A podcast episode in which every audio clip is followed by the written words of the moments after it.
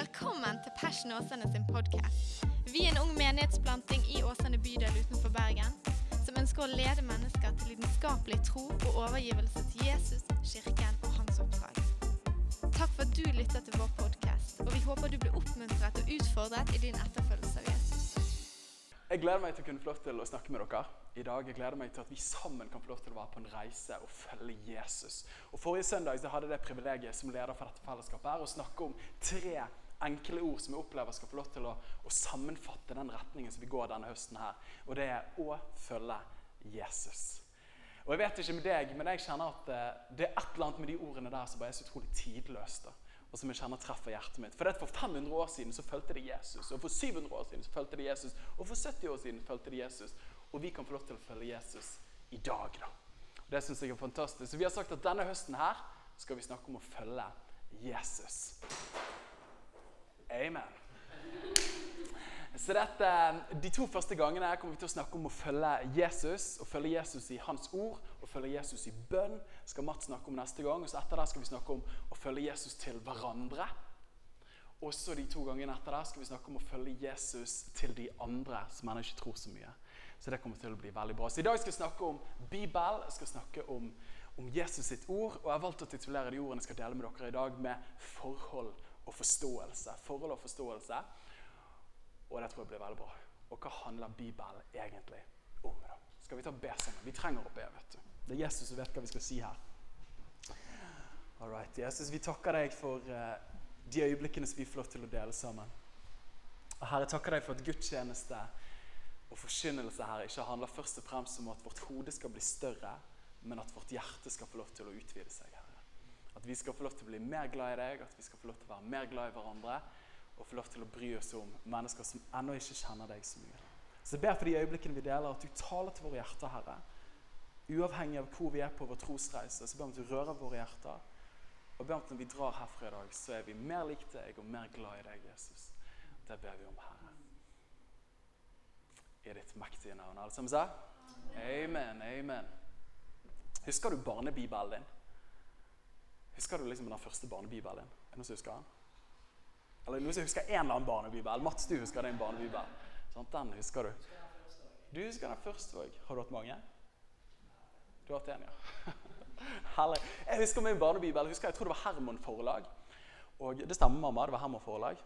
Det er fint når du kan si på podkasten 'mamma'. sant? Du, får liksom, du har en safety der. Men eh, husker Herman forlag, og husker om kvelden så pleide mamma og pappa å komme inn og lese for meg. da. Og den Bibelen var fantastisk. For det første så hadde de bare tatt ut de gøye fortellingene fra Bibelen. Så du fikk jo ikke høre om alle de tingene som du ikke har lyst til å høre om. Det var liksom bare de gøye fortellingene, som Samson, David og Goliat og liksom Gideon og, og you name it, liksom.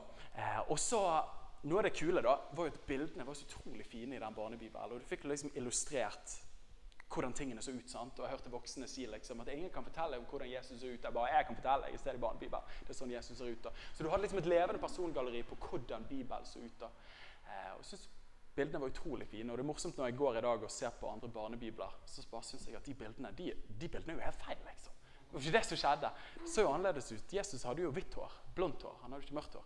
Eh, så. Eh, og så Kanskje det fineste var at de barnebiblene der var liksom historiene veldig konsentrert. De var små. da. Så du fikk liksom ut essensen, ikke sånn som oss predikanter av og til, som liksom bare snakker altfor lenge. Vi predikanter er litt grann sånn som Abraham. Han forlot Ur. Oh, ok. Jeg var litt god, da. Jeg var litt god. All right. Men jeg husker når jeg var litt grann eldre, så, så hadde jeg sett at mamma og pappa hadde en bibel som var svart og som var stor. Og som jeg tenkte at Den dagen jeg begynner å lese i den, lurer på hvordan det kommer til å bli. For det er jo flere tusen sider i den, og den er svart, litt dystert. Og kommer jeg noen gang til å få noe ut av den? da? Og jeg Hvis jeg ikke husker feil, så tror jeg at vi hadde en bibelseremoni.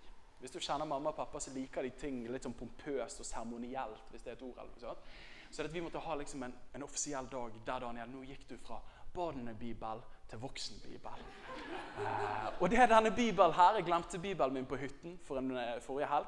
Og så så jeg her inne på fredag, så står det 23. mars 2001. Så skriver mamma en liten hilsen her, så sier hun håper dette blir den viktigste boken i livet ditt. Halleluja. Og det har det blitt, da. Så det er jo veldig herlig. Men jeg husker jeg fikk den voksenbibelen, så tenker jeg ok, nå begynner eventyret. da. og når jeg da begynte å åpne denne boken, der, så fant jeg fort ut at her står det mye mer enn i barnebibel. Og hvor er alle de gøye bildene hen? Hvor er de forsvunnet hen? liksom? Dette var jo ganske kjedelig. Går det an å lese Bibelen uten bilder? liksom? Det skal være tanken min.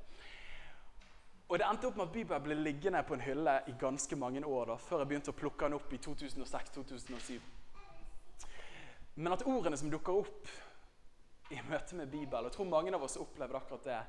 At vi kan oppleve at Bibelen, ord som dukker opp, er ikke først og fremst liksom utrolig spennende, givende. Dette har jeg lyst til å gjøre. Men av og til dukker ord opp som, som kjedelig, vanskelig, tørt, krevende. Hvordan får vi egentlig noe ut av dette her? Og, og liksom, hvordan kan jeg knekke opp denne boken her? Da? Jeg vet at det er ikke bare jeg som har stilt disse spørsmålene her. Men du vet, det er mange mennesker som stiller de spørsmålene. da. Eh, og det har vi lyst til å snakke litt om i dag. Hva handler Bibelen egentlig om? da? Hvordan skal jeg forstå denne boken her? Og hvordan skal jeg etterfølge eller etterleve denne boken her for livene våre? Jeg tenker de spørsmålene av og til. Jeg tror mange flere av oss har tenkt de spørsmålene. da. Og jeg kommer til å, å snakke om akkurat det. Jeg har lyst til å ta utgangspunkt i Lukas 24. Der står det om Emmaus-vandrerne. Har ikke dere hørt uh, fortellingen om Emmaus-vandrerne? Herlig med barnelyder. Det er liksom family business, det her. Niesen roper. og Veldig fint. Men i Emmaus, Emmaus, i Emmaus, ja. Det er ingen som helt vet hvor det er, men det var en liten by utenfor Jerusalem, tror man.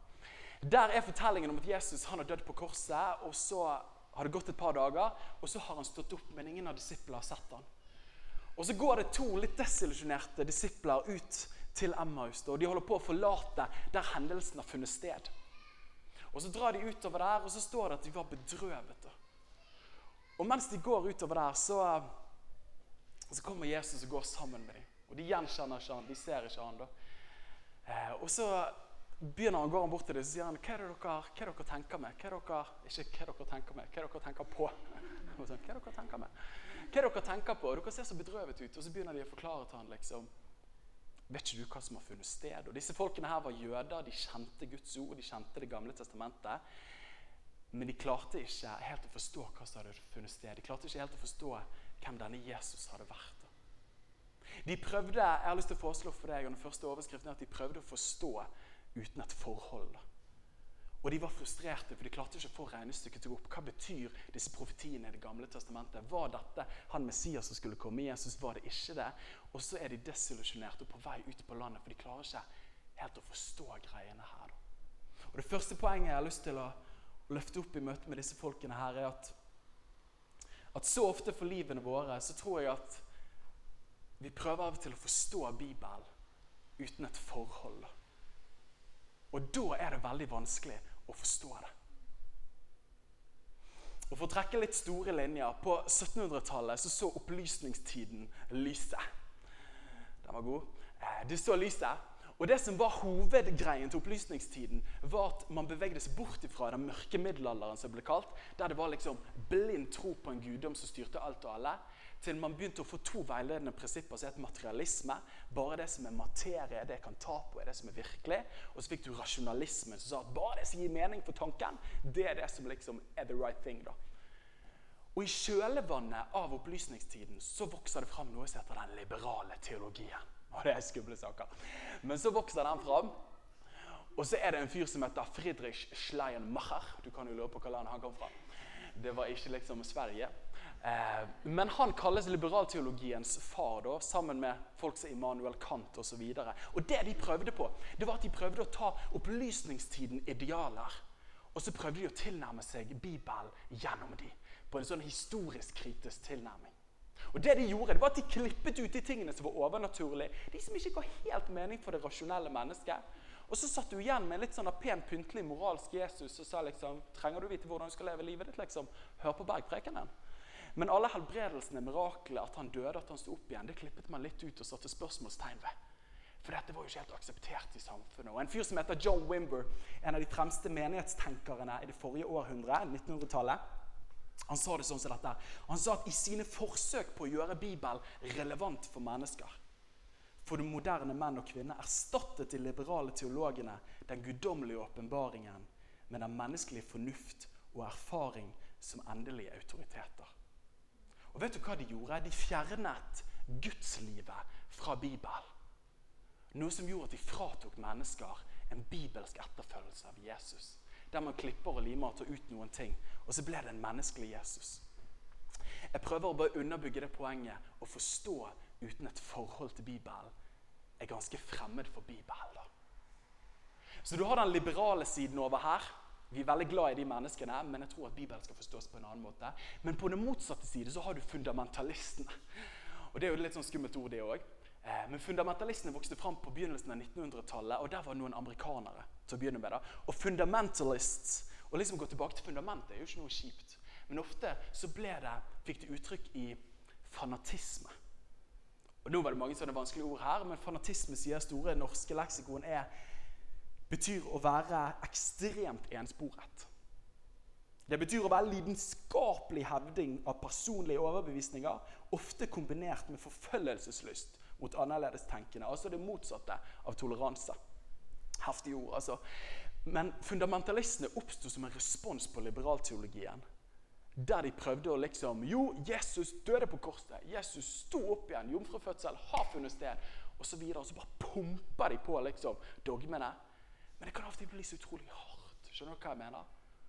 Og så er det av og til lite kjærlighet, så pumper man på. Så er det akkurat som på hver sin side har man ulike måter å tilnærme seg Bibelen på, der man prøver å forstå uten et forhold. Og Jeg har lyst til å foreslå for deg at begge disse tilnærmingene til Bibelen ender i hver sin grøft, fordi de har ikke fortrolighet til forfatteren av boken.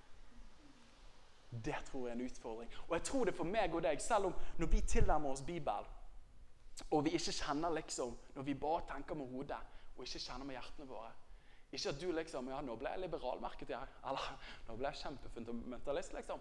Men jeg tror vi har en tilnærming enten til å overdrive eller underdrive. da. Og så får ikke vi essensen av boken. Og jeg tror at Bibel, i møte med Bibel flytter forståelse ut ifra et forhold til forfatteren. Det tror jeg er hovedessensen i møte med Bibelen. Hva er det egentlig for noe? Forståelse flyter ut fra et forhold med forfatteren. For hva er egentlig Bibels formål? Og tilbake til disse Emmaus-vandrerne her. De gikk på denne veien her, og de, de klarte ikke helt å, å forstå hva disse skriftstedene handlet om. Og så kommer Jesus og går sammen med dem. Og så etter at de har fått lov til å tømt hjertet sitt, og Jesus vet, og Jesus er utrolig fin på den måten der, Han lar oss tømme hjertene våre. Han lar oss liksom tømme ut de frustrasjonene og impulsene. Og så sier han en ting. da. Jeg digger Jesus. sant? Han, først sier han liksom, hva dere går og snakker med hverandre om på veien. Og så bare begynner de å åpne opp. sant? Det er jo sånn når du er gift av og til. sant? Det er bare sånn, Hva er det du tenker på? Og når du virkelig merker at de har tid til å høre, så er det bare sånn Så bare kommer det ut. sant? Ja, det er sånn av og til. Så kommer du ut. Men Jesus han er fin, da. Sånn alle sier jo at Jesus er veldig snill. Jesus er snill. Eller Jesus er egentlig ikke snill, han er god. Stor forskjell der. Og så sier Jesus til dem i Lukas 24 og det 25. verset sier han, hvor uforstandige dere er. Og trege av hjerte til å tro. Det er jo fint, da. Tenk å møte Jesus i perleporten. liksom. Og det første bare, Hei, Jesus, nice to see you, liksom. Og han bare, så uforstandig du er. Du skulle brukt livet ditt litt bedre enn det du gjorde. Du sløste litt mye tid på Netflix. Hvor uforstandig du er. sant? Og så, Det er jo ikke det vi forkynner, men han er tøff, Jesus. Eh, så sier hvor uforstandige dere er, og hvor trege av hjerte dere er til å tro alt det som profetene har talt. Måtte ikke Kristus lide alt dette og gå inn til sin herlighet? Og hør på dette her. Idet han begynte fra Moses og fra alle profetene, utla han for dem alt det som er skrevet om ham i alle skriftene. Alt det som var skrevet om Jesus i alle skriftene. Jeg har lyst til å foreslå for deg at Bibels formål er å lede oss til et forhold til forfatteren. Bibels formål er å lede oss til et forhold til forfatteren. Han begynte etter at de hadde prøvd å finne ut på egen hånd. Så kommer han bort og sier han, du, sorry gutter, altså, dere prøver å finne ut av det på egen hånd. Ain't gonna work, liksom. Og så begynner han å knekke opp hele Det gamle testamentet. Og så forteller han vet du hva, disse greiene her vitner om moi, meg. Og det er det han gjør. Og Jeg har lyst til å foreslå for deg at, at Bibels 66 bøker, alle de bøkene der, ingen av de står på egen hånd men de står sammen i en enhet. Og jeg tror at hele Gamle Testamentet peker fram mot et sentrum Jesus Kristus. Og jeg tror at hele Det nye testamentet peker tilbake på et sentrum Jesus Kristus. Jeg tror at Bibelen har en rød tråd, og det er personen Jesus. da. Og jeg tror at Hvis vi tilnærmer oss Bibelen og ikke kommer ut med Jesus, da tror jeg vi har gått inn feil dør. For hvis Jesus, når han skulle kommentere Guds eget ord, så påpeker han alt som var talt om han. Og eh, Paulus han sier i 2. Timoteus når han skriver til protosjeen sin i Efesus og Så begynner han å snakke om Bibelen og så sier han at ta vare på opplesningen av Skriften. Denne boken her som dere har fått overlevert, Det gamle testamentet og Det nye testamentet etter hvert så holdt på å bli skrevet akkurat da. Lite visste Timoteus om det. Men det som holdt på å bli skrevet, og han sa at dette her er ikke bare helt vanlige ord. Dette er ikke bare en eller annen bok med alle de andre bøkene på biblioteket. Og så står det i 2. Timoteus 3,16 står det at for at hele Skriften er innåndet av Gud. At hele Bibelen, og det kan egentlig oversettes med, er blåst inn av Gud. Så det er ikke som med de andre bøkene, Harry Potter-bøkene. Jeg fikk ikke lov til å lese dem da jeg var liten, for jeg kommer fra kristen hjem. Men de andre bøkene og liksom, jeg vet ikke, sånne andre krimbøker og sånt, de er jo fine og flotte, liksom. Men Bibel stiller i en egen klasse. Det er ikke samme liga engang. Det, det er bare et helt annet univers. da. For Bibelen er den boken du og meg har blitt gitt, som er åpenbaringen av Gud. da. Og det er fantastisk, altså. Og det er her vi skiller oss ut fra litt andre mennesker. Vi tror ikke at bare Bibelen er historiske beretninger. Vi tror at Gud har blåst seg sjøl inn i den boken. Og at bak hver bokstav, bak hvert avsnitt, bak hvert kapittel så finnes det et glimt av den Gud som elsker en menneskehet og ønsker å invitere oss nær til ham. Det er det vi tror. Det er det vi tror. Og vi tror at Bibelen har en kjerne, at Bibelen har en stjerne, og det er Jesus Kristus. Martin Luther var han som sa det bra. Han sa det på tysk, jeg skal ikke, prøve på det, men han, han sa at Bibelen har ett sentrum. Jesus er Skriftens kjerne og stjerne. Det dypeste du kommer i Bibelen, og jeg syns dette er fantastisk, det er Jesus Kristus. Og det høyeste du noen gang kommer til å komme i Bibelen, det er Jesus Kristus. Og Det går en historie om Jesus. Det går en historie, det står en historie om Jesus. Det er ikke sånn, det er en myte, som hvis du følger med, så får du høre. Men det står i Bibelen. Det står faktisk så mye som i Johannes, det femte kapittelet. Og Så sier Jesus til fariseeren sier han, dere gransker Skriftene. Jeg synes Dette er bra. Dette er et av de øyeblikkene der Jesus bare tar av seg Supermann-drakten og så bare sier han, I'm the one. Men han sier dere gransker Skriftene, for dere tror dere har evig liv i dem. Nettopp! De vitner om meg! Men dere vil ikke komme til meg så dere kan få evig liv. Jeg digger det. Han, akkurat der så toucher Jesus hva Bibelen er for noe, og hvordan vi skal forstå Bibelen for all evighet. Han sier til fariseerne dere gransker Skriftene for dere tror dere er evig liv i dem. Nettopp. Helt rett. De vitner om meg. Og der gir Jesus oss fortolkningsnøkkel til Guds ord for alltid. Jesus er Skriftens kjerne og stjerne. Bibels formål er å åpenbare Jesus. Og I Salme 119, vers 160, den er den lengste salmen. Det tar lang tid å lese den. Så når konemor sier at 'la oss lese en salme før vi drar på jobb', så styrer hun unna 119. Eh, men da står det i 160 står det at summen av ditt ord er sannhet.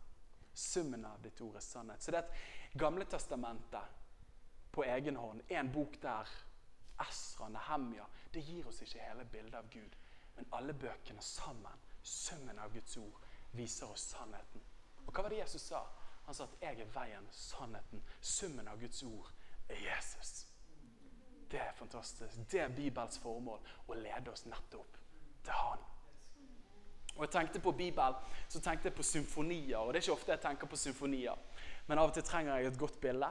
Eh, og hvis du har en symfoni I dag hadde vi Vi har aldri hatt så nært en symfoni i Passion som vi hadde i dag. Det var tre instrumenter. Fire. Fire instrumenter.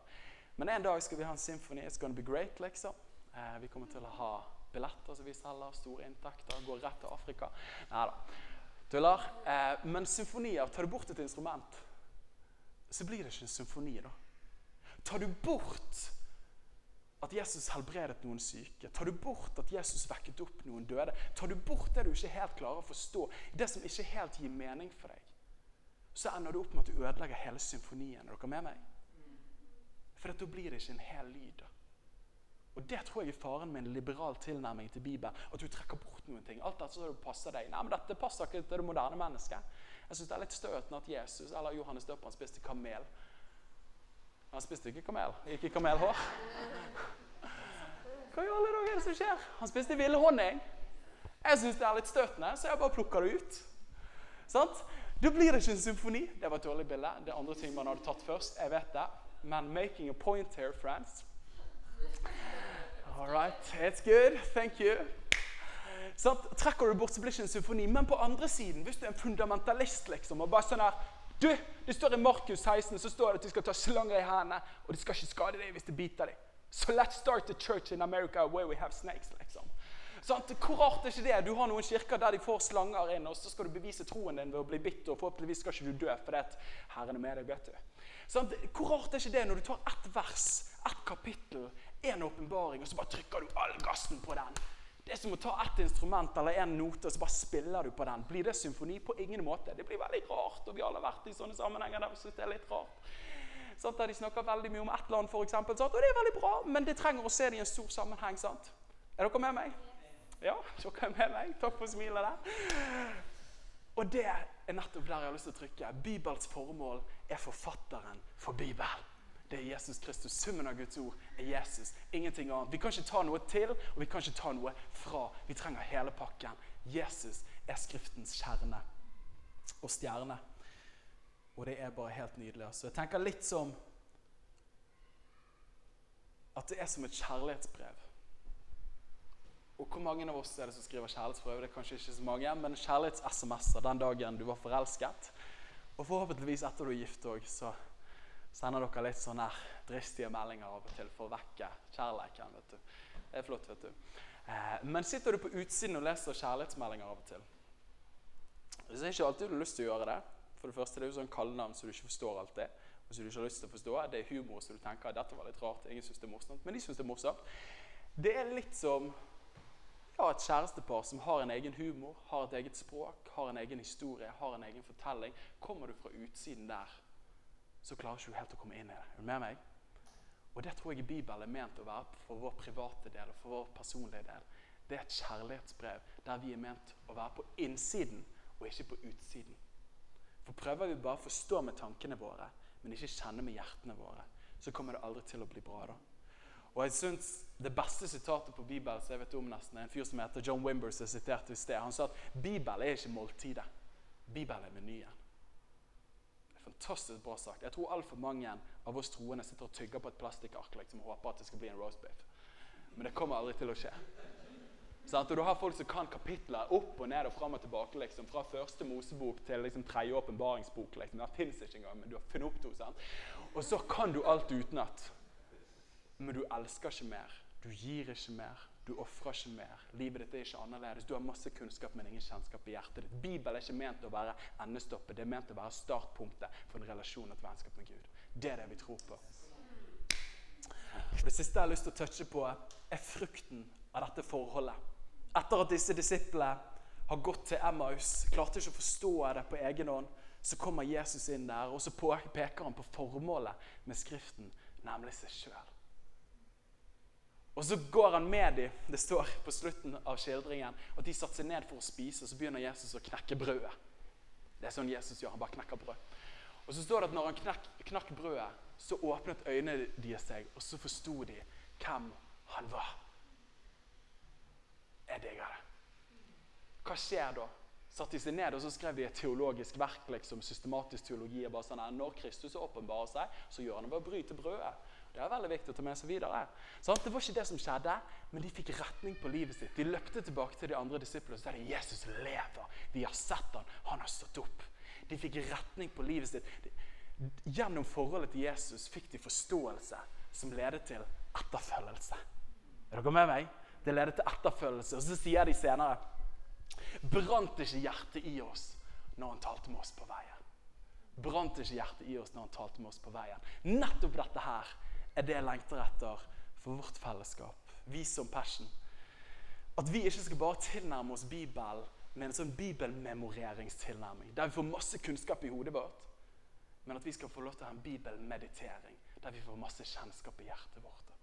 Det er det jeg drømmer om. Der at vi ikke først og fremst kan sitere hva som står i 4. Mosebok til 17. kapittel og det 14. verset. liksom. Bare sånn her, Hva er det for noe? Jo, nå skal du høre. Nei, det er ikke målet, tenker jeg, på det Bibelen egentlig har kommet for å gjøre. Men jeg har lyst til at vi skal være sånn at vi kommer i berøring med forfatteren av Bibelen. Sånn at vi snakker mer som Jesus, som er Skriftens kjerne. At vi føler mer som Jesus. At vi gir mer som Jesus. At vi prioriterer mer som Jesus. At vi bryr oss mer som Jesus. Og at vi har hjerter som brenner fordi at vi har vært sammen med Jesus i hans ord. Så i møte med det store spørsmålet hva handler Bibelen egentlig om? Jeg tror helt enkelt Vi kunne snakket mye om det her, men jeg tror helt enkelt Bibels formål er å lede oss til et forhold med forfatteren som vekker forståelse og etterfølgelse. Det er det Bibelen handler om. Ikke at du skal kunne alt. Hvis Jesus velger tolv disipler som strøk på rabbiskolen liksom, og ble fiskere istedenfor og sier at you guys, you're gonna change the world, liksom. Hvis han velger de, så er det ikke pga. at de hadde de mest clever minds. liksom. Men det var pga. at de hadde hjerter som hadde lyst til å følge og så potensialen her. da. Jesus kaller ikke A-studenter bare. Han kaller villige studenter som har lyst til å følge ham. Måtte vi være sånne mennesker. Så Bibels formål er å lede oss til et forhold med Bibels forfatter som vekker forståelse og etterfølgelse. Det er det det handler om, kjære venner. All right. Skal vi ta be sammen til slutt? Jesus, jeg takker deg for den du er, Herre. Jeg takker deg her for ditt ord, Gud, at du ikke kom Jesus, for å gi oss Bibelen for at vi skulle lære mest først og fremst, eller få mest kunnskap, men at vi skulle få lov til å få kjennskap til deg, Herre. Jeg har lyst til å be Gud for vi, oss i dette rommet her, Gud, som opplever at Bibelen kan være utilnærmelig eller vanskelig, Gud. At det kan være tung og tørr, Gud. Jeg ber deg, Gud, om at du bare viser oss hvordan ditt ord er ment å lede oss inn i relasjon, Herre. Og hvordan det kan bli spennende og gøy her å være ditt ord, Gud. Vi ber om det. Vi har bare lyst til å be for Passion, Gud, om en sånn, om en sånn bibelhunger, en bibelglede i dette fellesskapet her, Gud. Det ber vi om. Og jeg syns takk for ditt ord. Det er liv, Herre. Og takk for at du er sentrum av alle sidene i hele boken, Herre. I ditt mektige navn, Jesus. Alle sammen sa amen. Takk for at du lyttet til Passion Åsane sin podkast. Hvis budskapet inspirerte deg, del det gjerne videre, slik at enda flere kan bli styrket av Guds ord. Gud har en plan for ditt liv. Følg Jesus lidenskapelig og bety en forskjell for mennesker i din verden.